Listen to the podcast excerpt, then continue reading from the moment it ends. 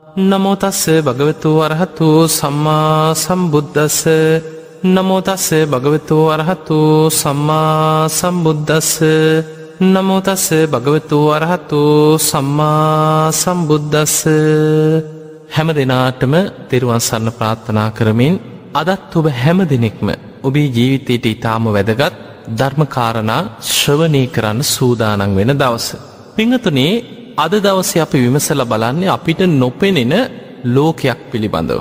ඒ තමයි නාගලෝකය ඉළඟට අමනුස්්‍යයන් අතර මේ මහා සාගරය ඇසුරු කරගත්ත මේ සසර ඉපදීපද යන්න මේ ලෝක ඊළඟට අසුර අපාය.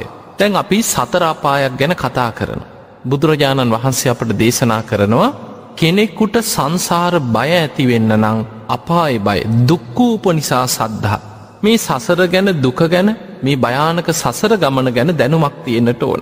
මේ නිරය ගැන තිරිසන් ලෝක ප්‍රේතලෝක අසුරාපායවල් මේ දුක්විදින සත්වයෝ ගැන. අපි මේ ඉපදීපදයාපු සංසාර ගමනේ භයානකකම අනතුර. අපිට මේවා වැටහෙන්න වැටහෙන්න තමයි ධර්මාවබෝධය පිණිස අපි වීරිය වඩන්. ධර්මාවබෝධය පිණිස අපිට වීරියක් ඌමනාවක් හැඟීමක් අපිට ඇතිවෙන්නේ කොහොමහරි මේකෙන් ගැලවෙන්න ඕන කියෙන හැඟීම ඇතිවෙන්නේ ඔබට සසර ගැන අවබෝධයක් ඇතිවුණු. මේ ලෝකෙ සත්‍යයන් උපදින ක්‍රම ගත්තහම බුදුරජාණන් වහන්සේ දේශනා කරනවා කර්මානුරූපීව තමයි අපි කවුරුත් උපත කරායන් දැ පටිච්ච සම්පාදය තුළ ධර්මය විස්තර වෙනවා බව පච්චයා ජාති. භවය කියලා කියන්න විපාක පිණිස කර්ම සකස් වෙනවා. ඒ කර්මයට අනුව තමයි ජාතිය ඉපදීම සිද්ධවෙන්. කාමලෝක විපාක පිණිස කර්ම හැදුනොත් කාම භවේ සකස් වෙන කාම ලෝකයා උපදිනවා. කාමලෝකය කියලා කියන්නේ ඇහැට පේන රූප කනට ඇහෙන සබ්ද නාසයට දැනෙන ගඳ සුවඳ දිවට දැනෙන රස කයිට දැනෙන පහස කියන පංචකාමයන් තුළ සැපය සොම්නස හොයමින් ඒ තුළ වින්දනය ලබමින් ඒ මුල් කරගෙන කර්ම සකස් කරගෙන උපදින සත්වයන් ජීවත්වෙන ලෝක කාමලෝක. ඒ කාමලෝකවලට තමයි අයිති වෙන්නේ සතරාපායි. නිරය තිරිසල් ලෝකයේ ප්‍රේතලෝකෙ අසුරාපායාදී යම්තා මේ දුක්විදින අපායගත සත්‍යයන් ඇද්ද ඒ සියල්ල කාමලෝකයට අයිති. ඊළඟට මනුස්සලෝක මේ අපි ජීවත්වෙන මනුස්සලෝකෙත් කාමලෝකෙටම අයිති දෙයක්. ඊළඟට පංචකාම සැප සම්පත් තුළින් ටිකක් වැඩි නමුත් කාමලෝකයට මයිති දිවිය ලෝක තියෙනවා. චාතු මහරාජික තාවතින්සේ යාමේ තුසිතය නිම්මාන් රති පරණිමිත වසවත්ති. මේ දිවියලෝක අයිතිවෙන්නෙත් කාමලෝකයන්ටමයි. එතකොට යමෙක් මේ පංචකාමයන් මුල් කරගෙන චේතනා පහල කළ රැස් කරගන්න කර්ම මත කාමලෝකෙ උපත කරා යනු. ඊළඟට යමෙක් මේ පංචකාමයන්ගේ ආදීනව මෙනෙහි කරලා පංචකාමයන්ගේ මිදෙනවා. ඒ මිදෙන්න පුළුවන්කම තියෙන්නේ භාවනා කරලා දිහානයක් උපදවා ගැනීම තුළ.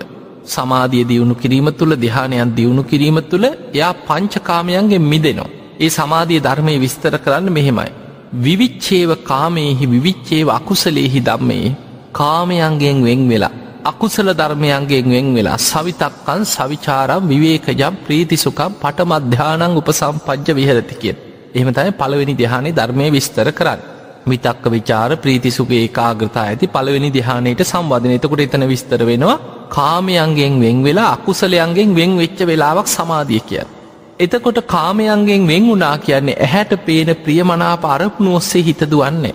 සමාධයක් තුළදි කනට ඇහෙන ප්‍රියමනාප සබ්ද නාසයට දැනෙන ගඳ සුඳ මේ පංචකාමයන් නෙමේ අරමුණු කරන්න. එයා භාවන අරමුණක් තුළ තමා තුළින්ම ඒ අරමුණ තුළින් හිත කුසල අරමුණක් තුළ එකඟ කරගත්ත වෙලාව. අන්නේ ඒ තුළ යාට සකස් වෙන්නේ රූපලෝකෙ රූප දෙහාන වඩනවන රූපී දෙහාන කැන පලවෙනි දෙවනි තුන්වෙනි හතරවෙනි කෙන මේ දෙහාන. කෙනෙක්ගේ දෙහාන වඩන කොට යාට සකස් වෙනවා රූප භවේ. ඒ නිසා යා රූපාවච්චර බ්‍රහ්ම ලෝකවල උපදිනවා. අන්න රූප භවයේ සකස් වුන රූපලෝකෙක උපදිනවා එකෙන බමල උපදින. තවත් බුදුරජාණන් වහන්සේ පෙන්න්නනවා මේ දිහානයන්ගේ ඉහළම මට්ටමට දියුණු කරලා මේ රූපී දිහාන ඉක්මවා ගිහිල්ල කෙනෙක් අරූප දිහාන වඩනු. ඒ තමයි ආකාසානංචායතන විඤ්ඥානංචායතන ආකින් චඥායතන නේව සංඥා නා සංඥායතන කියලා අරූප දිහාන හතරක් ධර්මය පෙන්න්න. කෙනෙක් මේ අරූප දිහාන දියුණු කරගත්තොත් අරූපලෝකෙ විපාක පිණිස ඔහුට කර්ම සැකස්වෙන එතනත් කර්ම හැදෙන්. ඒ කර්මය මත ඔහු මරණින් මත්තේ ඒ අරූපලෝකෙක උපදින. එතකොට අපිට පේන පංචකාමයම් මුල් කරගෙන්න්න චේතනා පහල කරන්න කාමලෝකෙ කොහ අරු උපතකට ඇදිලෑන්න කර්ම හැදෙනවා. ධ්‍යාන වඩල පංචකාමයන්ගෙන් මිදිලා සමාධිය දෙහාන වඩනවනං රූප දිහාන රූපී බ්‍රහ්ම ලෝකයක උපත පිණිස කර්ම හැදෙන. අරූප දිහාන වඩන කෙනාට අරූපී බ්‍රහ්ම ලෝකයක උපත පිණිස කර්ම හැදෙනවා. එතකොට බව පච්චයා ජාති විපාක පිණිස කර්ම හැදෙන නිසා උපදින. මේ උපදින ක්‍රම හතරක් බුදුරජාණන් වහන්සේ විස්තර කරනු. අන්ඩජ ජලාබුජ සංසේදජ ඕපපාතික කියලා අපි විස්තර කරගන්නවා ඒ තමයි මේ ලෝකෙ සත්වයන් සමහරු මවකුසවල් වලින් උපදින තැම් මනුස්ස ලෝකේ මවකුසෙන් උපදී. එතකොට මවකුසෙන් උපදිනකොට අපිට මේ මිනිස්සු විතරක්ම නෙමේ සත්තු බොහෝ සත්ව වර්ග ඉන්නවා. මව් කුසවල් වලින් උපදිනවා. එතකොට මනුස්ස ලෝක අපිත් තිරිසංගත සත්වයන් අතර බොහෝ සත්වයනුත් මවකුසින් උපදින. ඊළඟට බිත්තර ඇතුළෙන් උපදිනවා සත්තු උපදිනවා බොහෝ බිත්තර ඇතුළේ දැන්ඔයි කුරුල්ලෝ කුකුල්ලෝ ඔය වගේ සත්ව වර්ග බොහෝ ඉන්නවා බිත්තරයක් ඇතුළේ තමයි සකස් වෙලා බිත්තර කටුව කඩාගෙන එලියටෙන්. එතකොට ඒත් තිරිසන් ලෝකෙම සත්ව කොටසක් බිත්තර තුළින් උපදිනයින්න. ඊළඟට තෙත් පරිසරයවල් ඇසුරු කරගෙන මේ උපදින තැනානුව තමයි විස්තර කරන්න. තෙත් පරිසරයක් තුළ පහළ වෙන සත්‍යයෝ ඉන්නවා. දැන් හිතන්න අඹගෙඩියක් කුණුවෙන්න තියල බලන්න. අඹගෙඩිය කුණුවේගෙන කුණුවේගෙන යනකොට මොනතරන්නම් පනුව පිරිලද මේ තුළ. ඒ වගේ කුණු කානුවල සමට අසූචි ගොඩත් ඇති සත්වයකුට ශරීරයක් හදාගන්න. අර දියර සහිත කුණු වෙලා යන පිළිකුල් සහගත එවැනි තැනක් කුණු කානුවල කුණු වෙලා යන දීවල් තුළ මේ තෙත් සහිත පරිසරය ඇසුරු කරගෙන සත්වයෝ පහළ වෙන. දැන් මේ කරුණු තුනම අපේ ඇහෙන් දකින්න පුළුවන් අපිට බිත්තරයක් ඇතුළෙන් සත්වයෙක් උපදිනවා බලාගෙන ඉන්න පුළුව. මවකුසෙන් උපදිනවත් ඔබට ඇස් දෙගෙන් දකින්න පුළුව. ඊළඟට තෙත් පරිසරයක් තුළ ඉන්න පනුවෝද මේ සත්තුද ඒකත් ඔබට අධ්‍යයනය කරලා හොයාගන්න පුළුව. හැබැයි අපේ පියවියහෙන් දකින්න බැරි උපතක් තියෙනවා. ඒ තමයි ඕපපාතික උපත. මේ ඕපපාතික උපත ගැන ධර්මය පෙන්නන්නේ කර්මාණු රූපීව ඒ සැනින් අංග සම්පූර්ණ ශරීරයක් ඇතුව පහළවෙන්. අන්න ඒකයි ඕපපාතික උපත. මේක ඇස්තකින් දකින්න පුළුවන් එකක් නෙමේ. මේක දිවැස් නුවනක් තුළින් හිත දියුණු කරපු කෙනෙක් තමයි ඒ ඕපපාතික සත්‍යයන් උපදිනාකාරෙ දකින්නේ. ඒක සාමාන්‍ය මනුස්සයට දකින්න බැරි නිසාම බොහෝ නියත මිත්‍යා දෘෂ්ටිගත වෙනවා එහෙම දෙයක් නෑ එහෙම දෙවියන් කියලා කොටසක් නෑ එහනම් අපිත් දකින්න පැ කොහෙ දොහොම ඕපපාතික උපදින්. දෙවියන් අමනුස්්‍යයන් අපායවල් ගැන මෙලෝ පරලෝ පිළි නොගෙන ඕපපාතික උපත දකින්න බැරි නිසාම නියත මිත්‍යා දෘෂ්ටිකට වැටෙනවා. පිංහතුනේ ලෞකික සම්මාධිට්ටියත් නියත මිත්‍යා දෘෂ්ටියත් බුදුරජාණන් වහන්ස විස්තර කරන තැන තතාගත බුදුරජාණන් වහන්සේ දේශනා කරනවා යමෙක් ඕපපාතික උපතක් නෑ කියන දෘෂ්ටියටාවොත් එයා නියත මිත්‍යා දෘෂ්ටියකට වැටෙනවා. යා මෙලෝ පරලෝ පිළිගන්න නැති කෙනෙක් බවට පත්වෙනවා. එතකොට මේ ඕපපාතික උපත දකින්න පුළුවන් ඥානයක් තියෙනවා ඒ තමයි චුතූපපාත ඥානෙ. එතනින් මෙහාපිට කැමරාවකින්වත් වෙනත් දුරේක්ෂයකින්වත් වෙනත් වෛද්‍ය උපකරණයකින්වත් අන්වීක්ෂයකින්වත් බලලා ඕපපාතික උපත හොයන්න පුළුවන්කමක් නෑ. ඕපපාතික සත්‍යයම් පහළ වෙන ආකාරය දකින්න පුළුවන් චුතූපපාත ඥානයක් තුළ. චුතූපපාත ඥානය කියලා කියන චුත කියන්නේ කෙනෙක් මේ මනුස්ස ලෝකෙන් හරි යම් යම් සත්වලෝකයකින් මරණයට පත්වෙනවා. ඒ කය අතහැරල යනො චුත. ඒ චුතවීමත් සමගම උප්පාදේ උපත්තියක් ලබනක් කොහේ හෝ.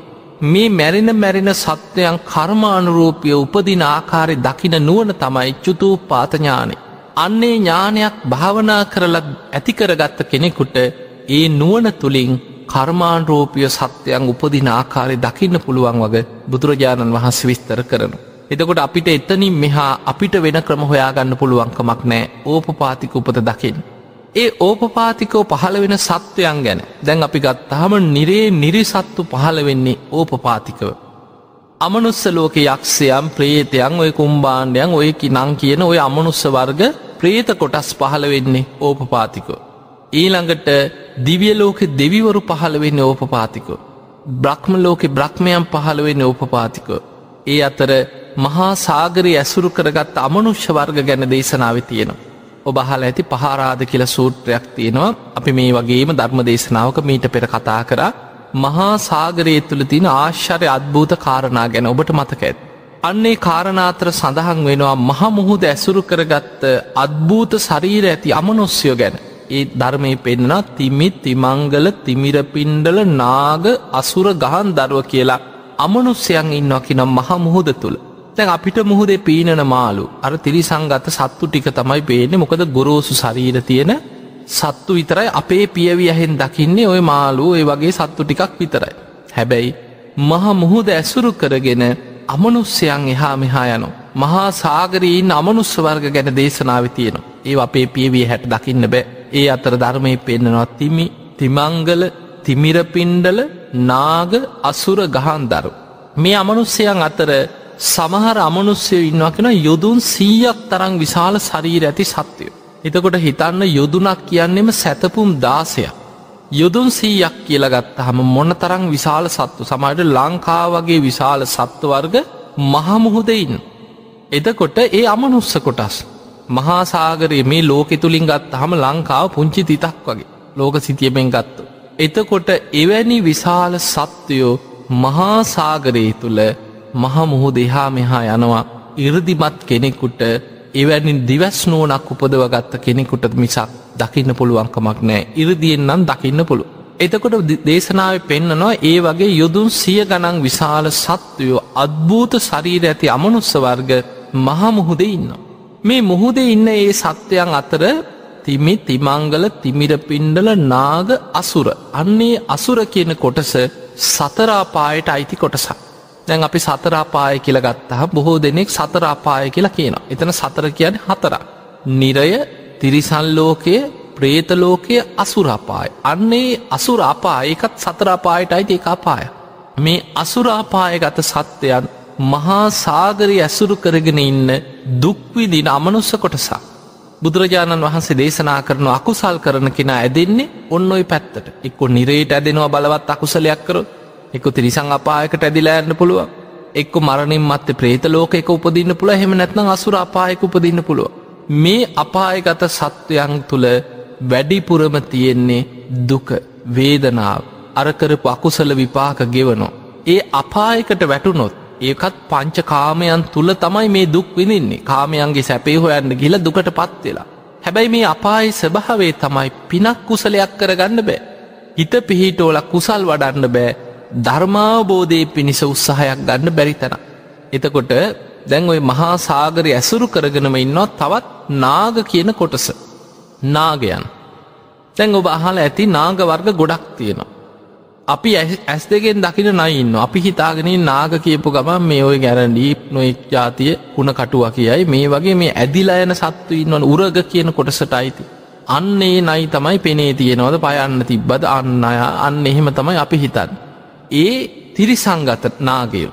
මේ අතර නාග ලෝකයක් ගැන ධර්මය පෙන්න්නනවා එතන නාග කියන නම තිබුණට නාග ලෝකයට අයිති එතන අමනුස්ස කොටසක්. හැබැයි ඒ අය සාමාන්‍ය දුක්විදින අමනුස්්‍යයන්ට වඩා යම් සැප සම්පත් විදින නාග කොටස් ඉන්නවා. ඒ අතර දුක්විදින කොටසකුත් ඉන්න අපායගත නාග පිරිසක් ඉන්නවා අසුරනාග. ඒ අයි බොහොම ගැටුබට බරයි හැම වෙලායම තරහෙෙන් දවේශයෙන් රණ්ඩුවෙන අකුසල විපාකයක් විදින එහෙම නාග පිරිසකුත් ඉන්නවා ඒත් අමනුස්්‍යයන් අතර. ඊළඟට නාග දේවතාවරු වගේ බොහෝම දිවිය මේ සැප සම්පත් වගේ මවාගෙන විමාන මවාගෙන සැපවිඳින නාග පිරිස් ඉන්න. දිවියනාගයෝ ඉන්න. අන්න ඒ අයට වෙස්වලාගන්න පුළුවන් බව දේශනාව පෙන්න්නනවා. සමහරු මනුස්ස සුරූපෙන් වෙස්වලාගෙන පෙනීන්න. සමහරු දෙවිවරු වගේ වෙස්වලාගෙන ගමන් කරනවා. ඒ අය බොහොම ඉරදි බල සම්පන්නයි. ඒ අයගේ නාග විමාන හරියට දිවිය විමාන වගේ ඔවුන් මවාගන්න. ඒ අය බොහෝ සැප සම්පත් විදින. දැම් මේ අතර බුදුරජාණන් වහන්සේ වැඩ හිටිය කාල අපේ බුදුරජාණන් වහන්සේ සැවැත්නූර ජේතවනාරාමි වැඩඉන්නකොට මේ නාගයන් අතර දෙවියනාග කියන පිරිස බොහෝම සද්ධාවන්තයි. ඒ අයි ධර්මාවබෝධයට කැමති තුනුරුවන්ට ගරු කරනවා. හැබැයි නිවන් දකින්න නම් මාර්ග පල් ලබන්න පින නෑ. පින් කරගන්නවා පිනට කැමති ඒ නිසාම මේ නාගලෝකෙ නාගෙක් මනුස්ස සුරූපයක් දරාගෙන කෙන වෙස් වලාගෙන මනුස්සෙක් වගේ දවසක් භික්‍ෂූන් වහන්සේලා බොහෝ පිරිස ඈතින් චාරිකාය වඩින ගමන් බුදුරජාණන් වහන්සේ ජේත වනාරාම ඉන්නකොට නිතර භික්‍ෂූන් වහන්සේලා වඩිනවා.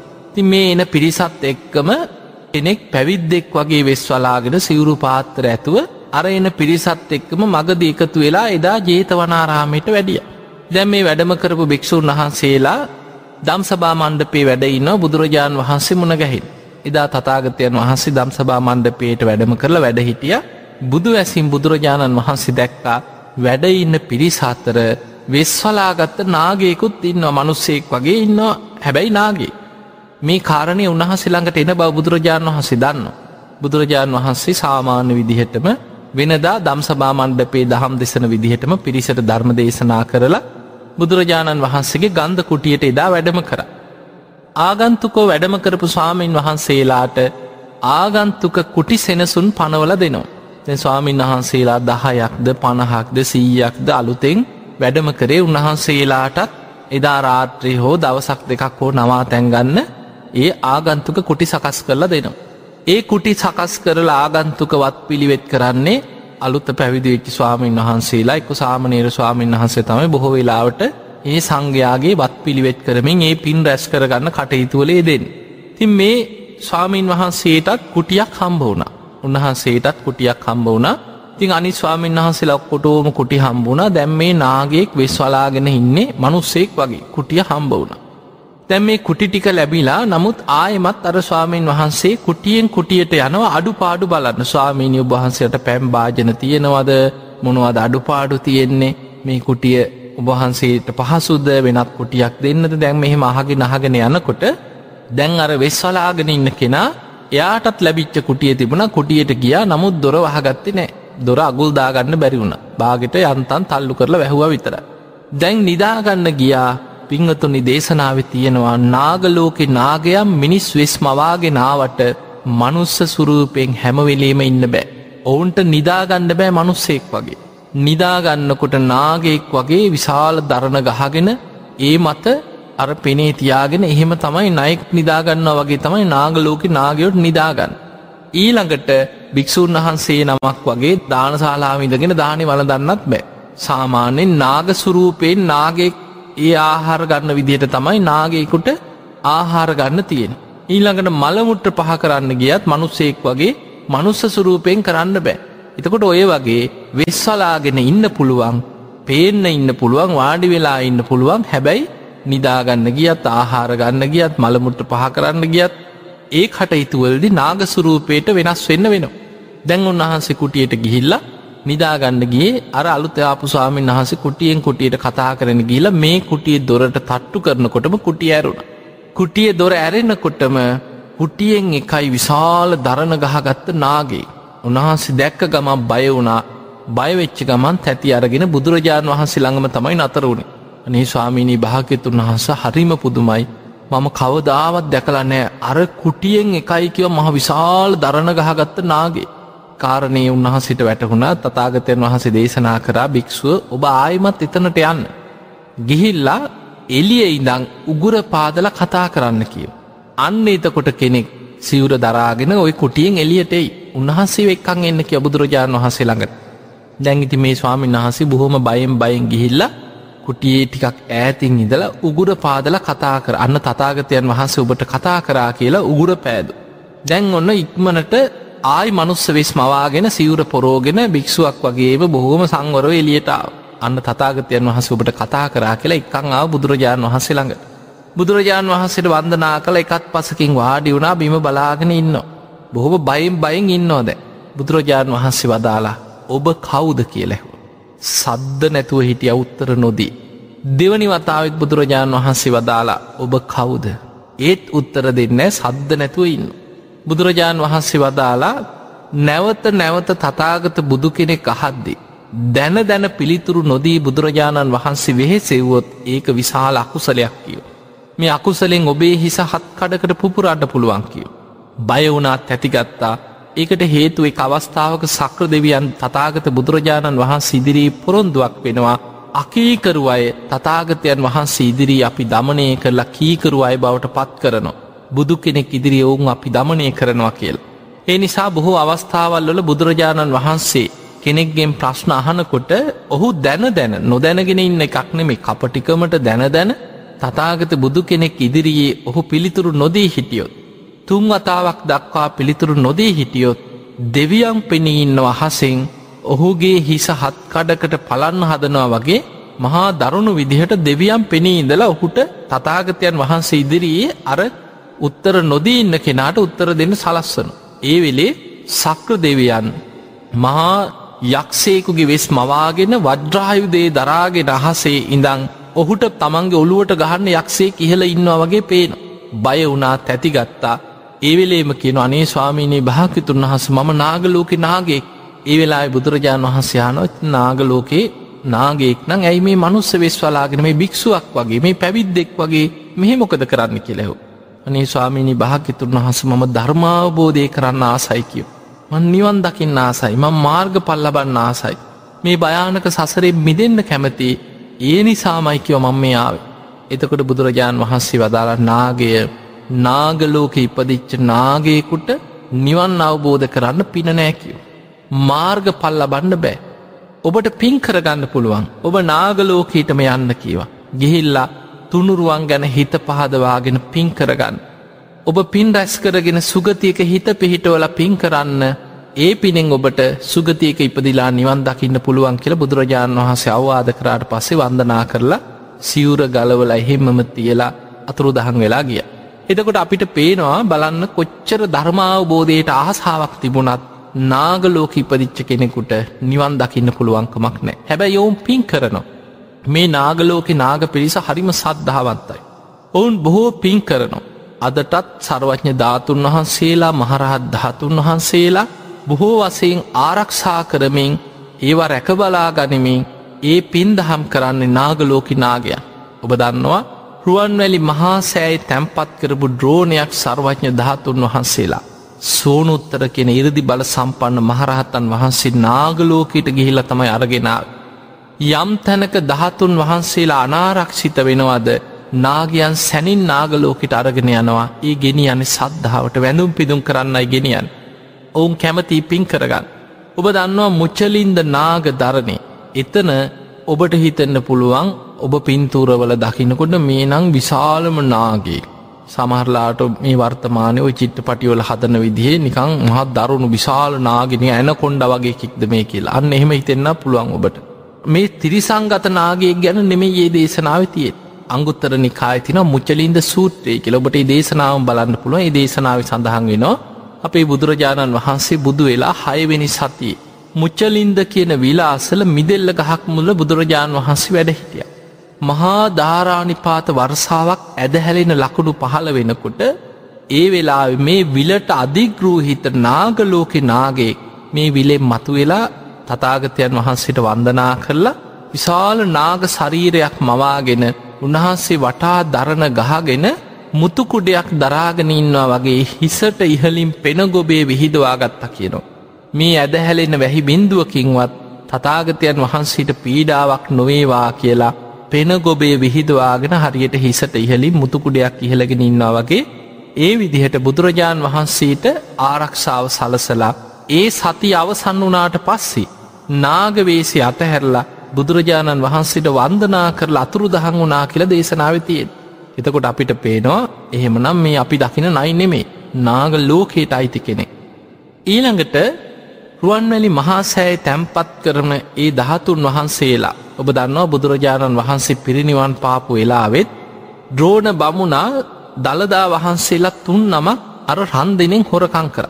එක් දළදා වහන්සේ නමක් ද්‍රෝණ බමුණ තමයි රජවරු සමගි කරලා ධාතුන් වහන්සේලා බෙදුවේ.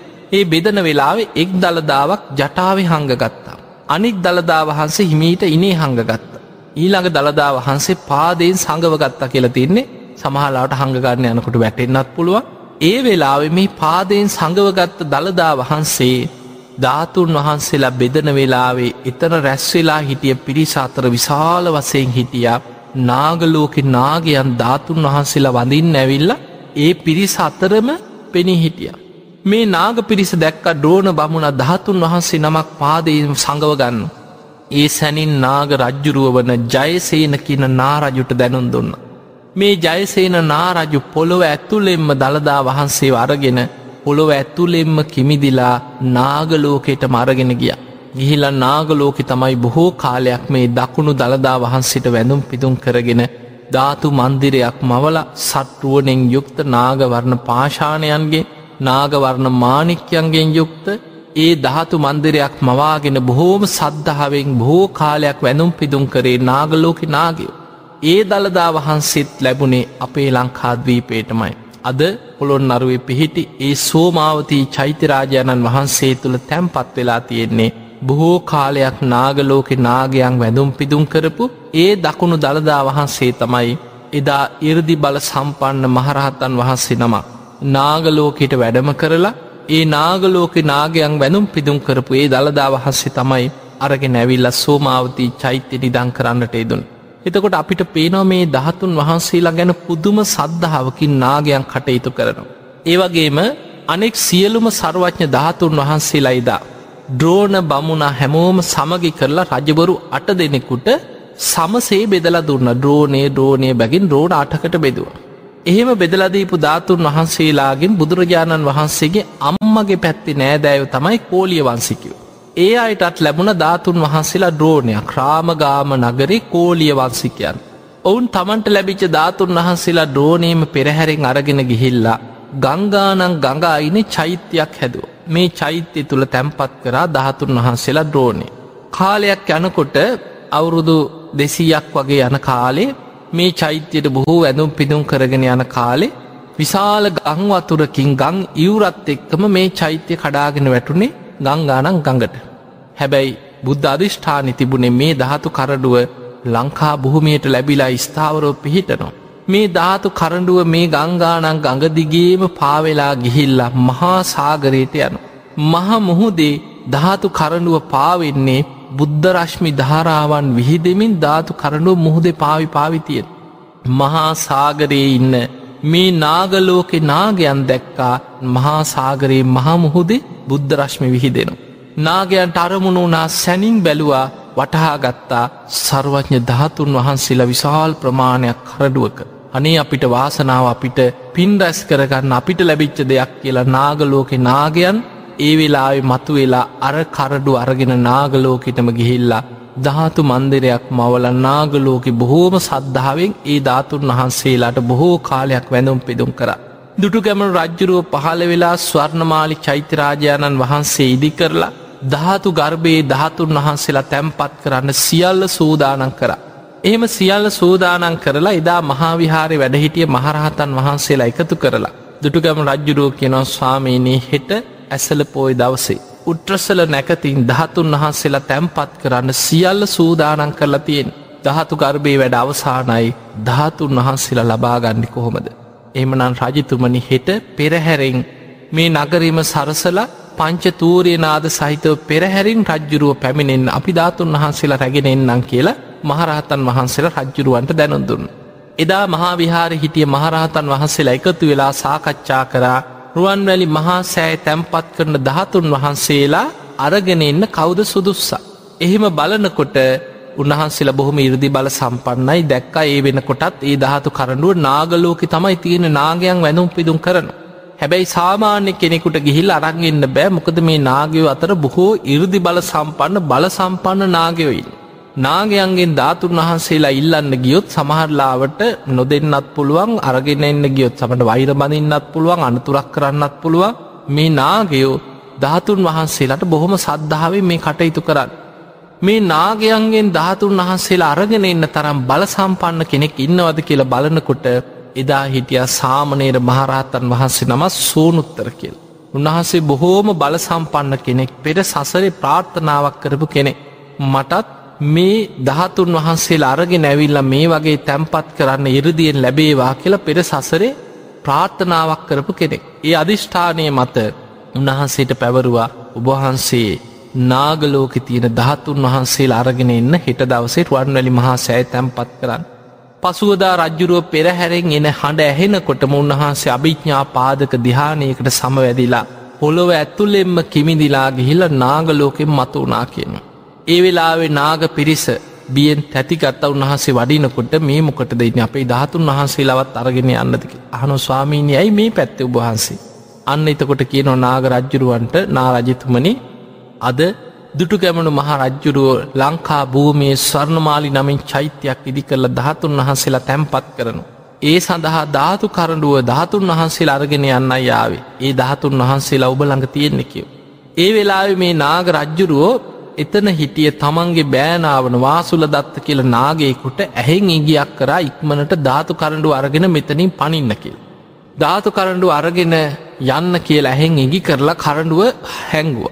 ඒ මහංගලකින ස්වාමිනි අපි ළඟ නෑ ඔබහන්සිට වැරදීම අපි ළඟ නෑ කීව තියෙනවන ඉතින් ගෙනියන්න. ඔන්න බලන්න ධාතු මන්දිර අපි ළඟ නෑ කියව උන්හන්සේ දැක්කා වෙච්චදේ හැබැයි මේ නාග රජ්ජුරුව හිතන්නේ උන්හන්සේ මේක දැක්කි නෑ. අපි කරනුව හැංගුව. ඒ නිසා අපිට බයක් නැති තියෙනවන ගෙනියන්න කියලා කිව් දෙවනි වතාවත් කියනවා ස්වාමිනි අපි ළඟ නෑ. උන්හන්සයහනු එහෙනම්මන් තියෙන තැනින් ගන්නද? කියලැහු ති ඒකන උබහන්සේට අපි කිව අපිලං ධාතුන් වහසිලන්නේ අන්න බලන්න. තියෙනවන ඉතින් ගෙනියන්න කිය එහෙම තුන්වතාවක්ම උන්වහන්සේ යහන එහෙනම් මන් තියෙන තැනින් ගන්නද? තියෙනවන ඉතින් ගෙනියන්න කිය. අන්නේ අවසරේ ලැබුණා උන්වහන්සේ සියුම් ශරීරයක.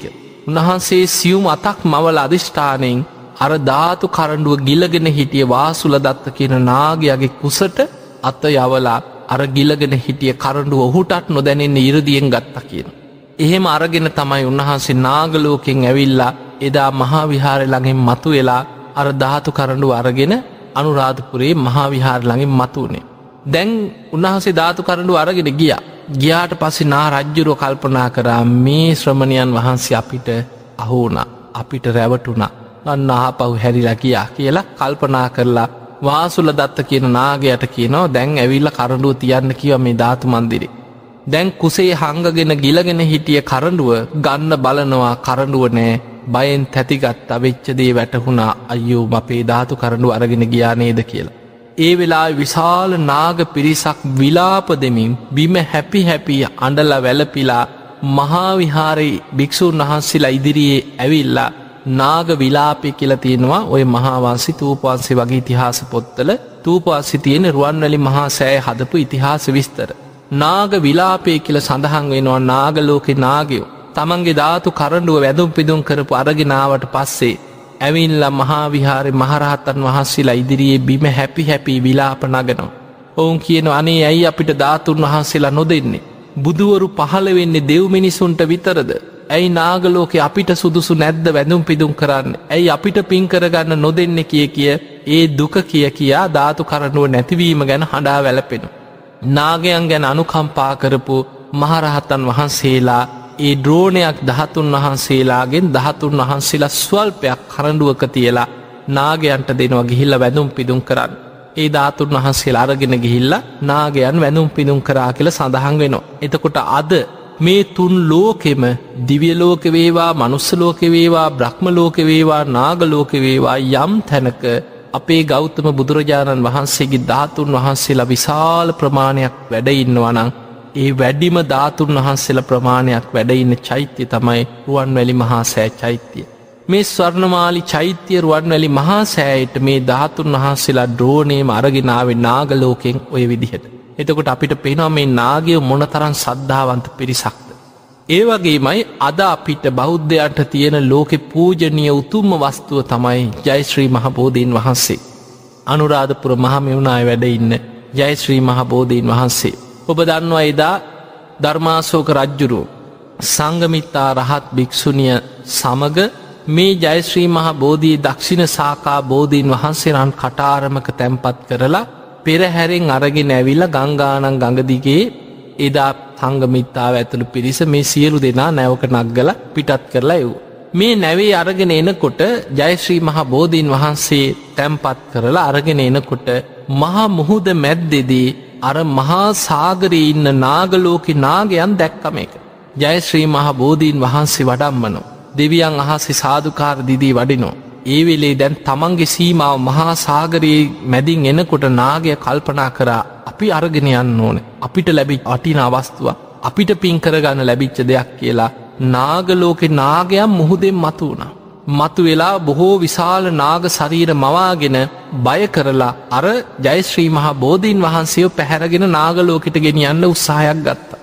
ඒ වෙලාවේ සංගමිත්තා රහත් භික්‍ෂුණිය ගැන බොහොම ඉරදි බල සම්පන්න කෙනෙ.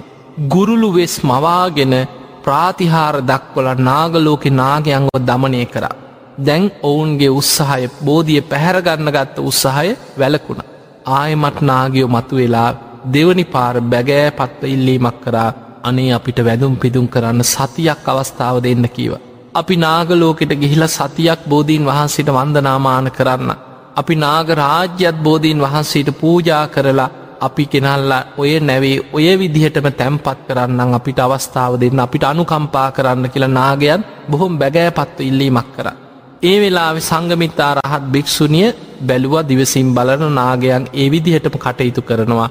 ඔවුන්ට සතියක් නාගලෝකෙට අරගෙනයන් අවස්ථාව දුන්න. ලංකාවට ජයශ්‍රී මහා බෝධයේ දක්ෂිණ සාකා වඩම්මන අතරතුර මහා සාගරයේදී නාගයන්ට අවස්ථාව ලැබුණ සතියක් නාගලෝකෙට බෝධීන් වහන්සේ අරගෙනයන් එදා මුහුදේ මතුවෙච්ච මේ නාග පිරිස නාගලෝකෙට ඒ බෝධීන් වහන්සේගේ දක්ෂිණ සාකාව රැගෙන ගිහිල්ල තැම්පත් කරලා සතියක් පුරා වැදුම් පිදුම් පුද පූජාවන් පවත්වල නාග රාජ්‍යම බෝධීන් වහන්සේට පූජා කරලා ආයමත් අරගෙන ඇවිල්ලා ඒ නැවේ ඒ විදිහටම තැම්පත් කර ඊට පහුවදා තමයි දමකොළ පටුනට මේ ජයශ්‍රී මහබෝධී දක්ෂිණ සාකාව රැගත් මේ නැවයිදා සීන්දුවෙන්නේ.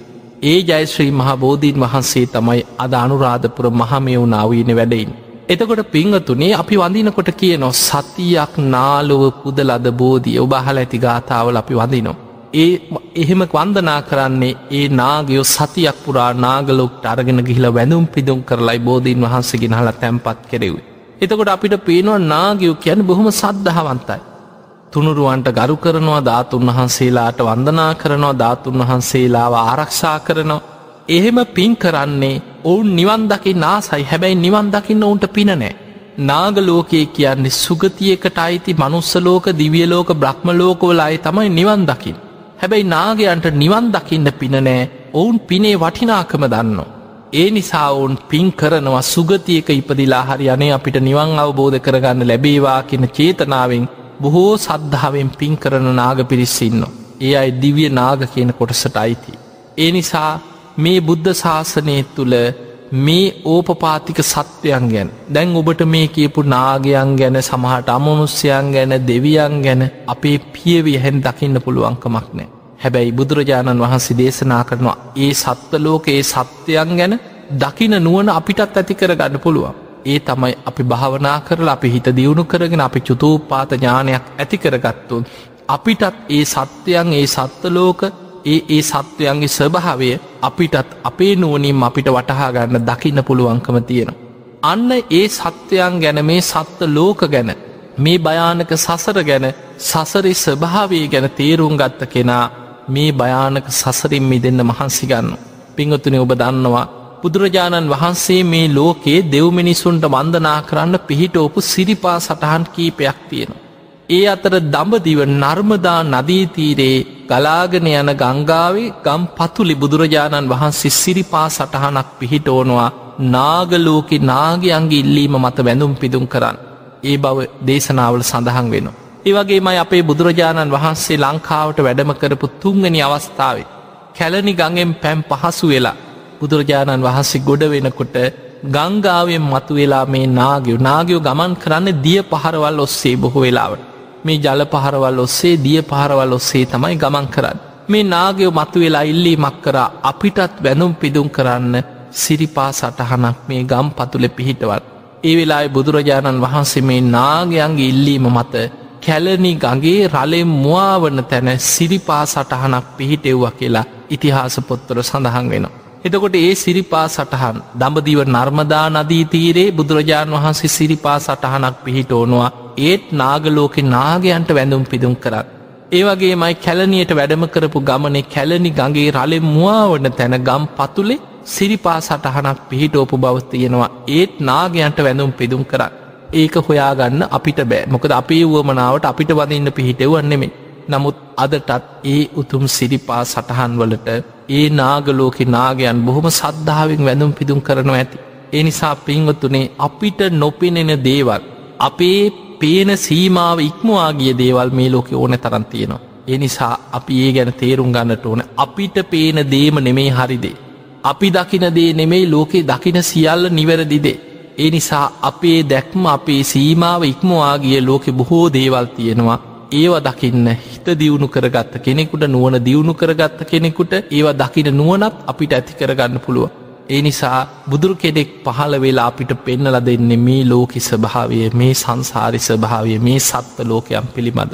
ඒ නිසා අද ඔබට මේ ධර්ම දේශනාව තුළින් කියලා දුන්නේ අපේ හැට බොහෝ වෙලාවට නොපෙනෙන. නමුත් මේ සත්වයන් අතර මේ උපදින ලෝකයන්. ඒ නිසා බුදුරජාණන් වහන්සේ පෙන්නනවා කර්මාන රූපීව කෙනෙක් මරණින් මත්තේ මවකුසක උපදිනවා ඒ වගේම බිත්තර ඇතුළෙන් උපත කරායනෝ තෙත් පරිසරයවල් ඇසුරු කරගෙන උපදින ඕපපාතික උපදිනවා. මේ සතර ආකාරයම ඉපදීම තුළ ඒ සත්වයන් සත්ත ලෝකවල ඉපදීපදීපදීපදි ගමන් කරනවා. මේ ඉපදීම සකස් වෙන්නෙම බව්පච්චයා ජාති විපාක පිණිස කර්ම සකස්වීම නිසයි උපදින්.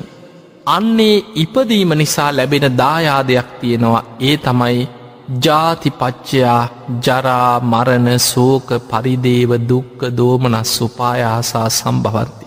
ඉපදුනානං මොන්න සත්ව ලෝකෙ කොහේ ඉපදුනත් වයිසට යන. ජරාවට පත්වෙනවා කායික දුක් මානසික දුක් සුසුම් හෙලින් ඒ සියලු දුක්දොම්නස් මැද්දේ කොයි වෙලේ හෝ මරණයට මූුණ දෙන සිද්ධ වෙන. ඒ නිසා මේ මැරමින් ඉපදමින් මැරමින් ඉපදමින් මැරමින් යන මේ සතරාපා දුකට වැටි වැටි යන මේ භයානක සංසාර ගමනෙන් මිදීම පිණිසයි බුදුවරු ලෝකෙට පහළ වෙලා මාර්ගය පෙන්නල දෙෙන්. ඒ නිසා අපායෙන් මිදන්න මේ භයානක සසර ගමනින් මිදන්න තියෙන එකම මාර්ගයේ තමයි බුදුරු ලෝකෙට පහළ වෙලා පෙන්ල දෙන ඒ නිවන් මඟ අනුගමනය කරලා අකුසල්වලින් වැලකිලා කුසල් වඩලා හිත දියුණු කරගෙන කෙලෙසුන්ගෙන් මිදිලා ඒ ලබන නිවන් මාර්ගය අන්න ඒ පිණිස අපි මේ භයානක සසර ගැන අවබෝධයක් ඇතිකරගෙන සසර ගැන කලකිරෙන්න්නට ඕන. මේ භයානක සසරින් මිදීම පිණිස වීරිය වඩන්නට ඕන. එනිසයි බුදුරජාණන් වහන්සේ පෙන්නන්නේ මේ සසර දුක සසර භයානකකම සංසාර බය ගැන හිතන්. මේ වගේ සත්වයන් ඉන්න මේ වගේ සත්ව ලෝක තියෙන බැරිවෙලාවත් මං මරණයට පත්වෙලා නිරේක ඉපදුණු. මං බැරිවෙලාවත් මරණයට පත්වෙලා ප්‍රේතලෝකෙ කසුරාපායක ඔය වගේ දුක් සහිත් තැනක ඉපදුනොත් මම කොහින්ද ගැලවීමක් කාගේ පිහිටත්ද මට. ඒ විදිහට මේ භයානක සසර ගමන ගැන හිතලා මනුස්ස ජීවිතයක් ලැබිච්ච වෙලාවේ බුද්ධ ශාසනයක් මුණ ගැහිච්ච වෙලාවේ අප්‍රමාදීව ධර්මය දියුණු කරගත් එහෙම නං ඔබ හැම දෙනාටම බුදුවඩු ලෝකෙට පහළ වෙලා අපිට පෙන්නල දෙන්නේ අප්‍රමාදීව කුසල් වඩාගන්න මාර්ගය. ඒ තමයි සබ්බ පාපස්සා කරන පාපි අකුසල්වලින් මිදන්න බීරියගන්න කුසලස් උපසම්පදා කුසල් දහම් දියුණු කරගත් සචිත්ත පරියෝධපනං ඔබේ හිත ඔබ දමනය කරගන්න. මේ ලැබිච්ච බුද්ධ ශාසනය තුළම ඔබ ධර්මාවබෝධය පිණිස මහන්සි ගන්න කෙනෙක් බවට පත්වෙන්න. ඒ පිණිස ඔබට ශක්තිය ධෛරිය වීරිය නුවන පහළවේවා ධර්මාවබෝධය පිණිස වීරියම ලැබේවා ලැබේවා කියලපි ඔබට ආශිර්වාද ප්‍රාර්ථනා කරනවා. ආකා සට්ඨාචබුම් මට්හා දේවානාගා මහිද්දිකා පුඤ්ඥන්තන් අනුමෝදිත්වා. චිරන්රක් කන්තුලෝක ශාසනං. ආකා සට්ඨාචබුම් මට්හා දේවානාගා මහිද්දිකා පුඤ්ඥන්තන් අනුමෝදිත්වා චිරන්රක් කන්තු දේශනං ආකා සට්ඨාචබුම් මට්හා දේවානාගා මහිද්දිකා පුඤ්ඥන්තන් අනුමෝදිත්වා චිරන්රක් කන්තුතුවං සදා හැම දෙනාටම සම්මා සම්බුදු සරණ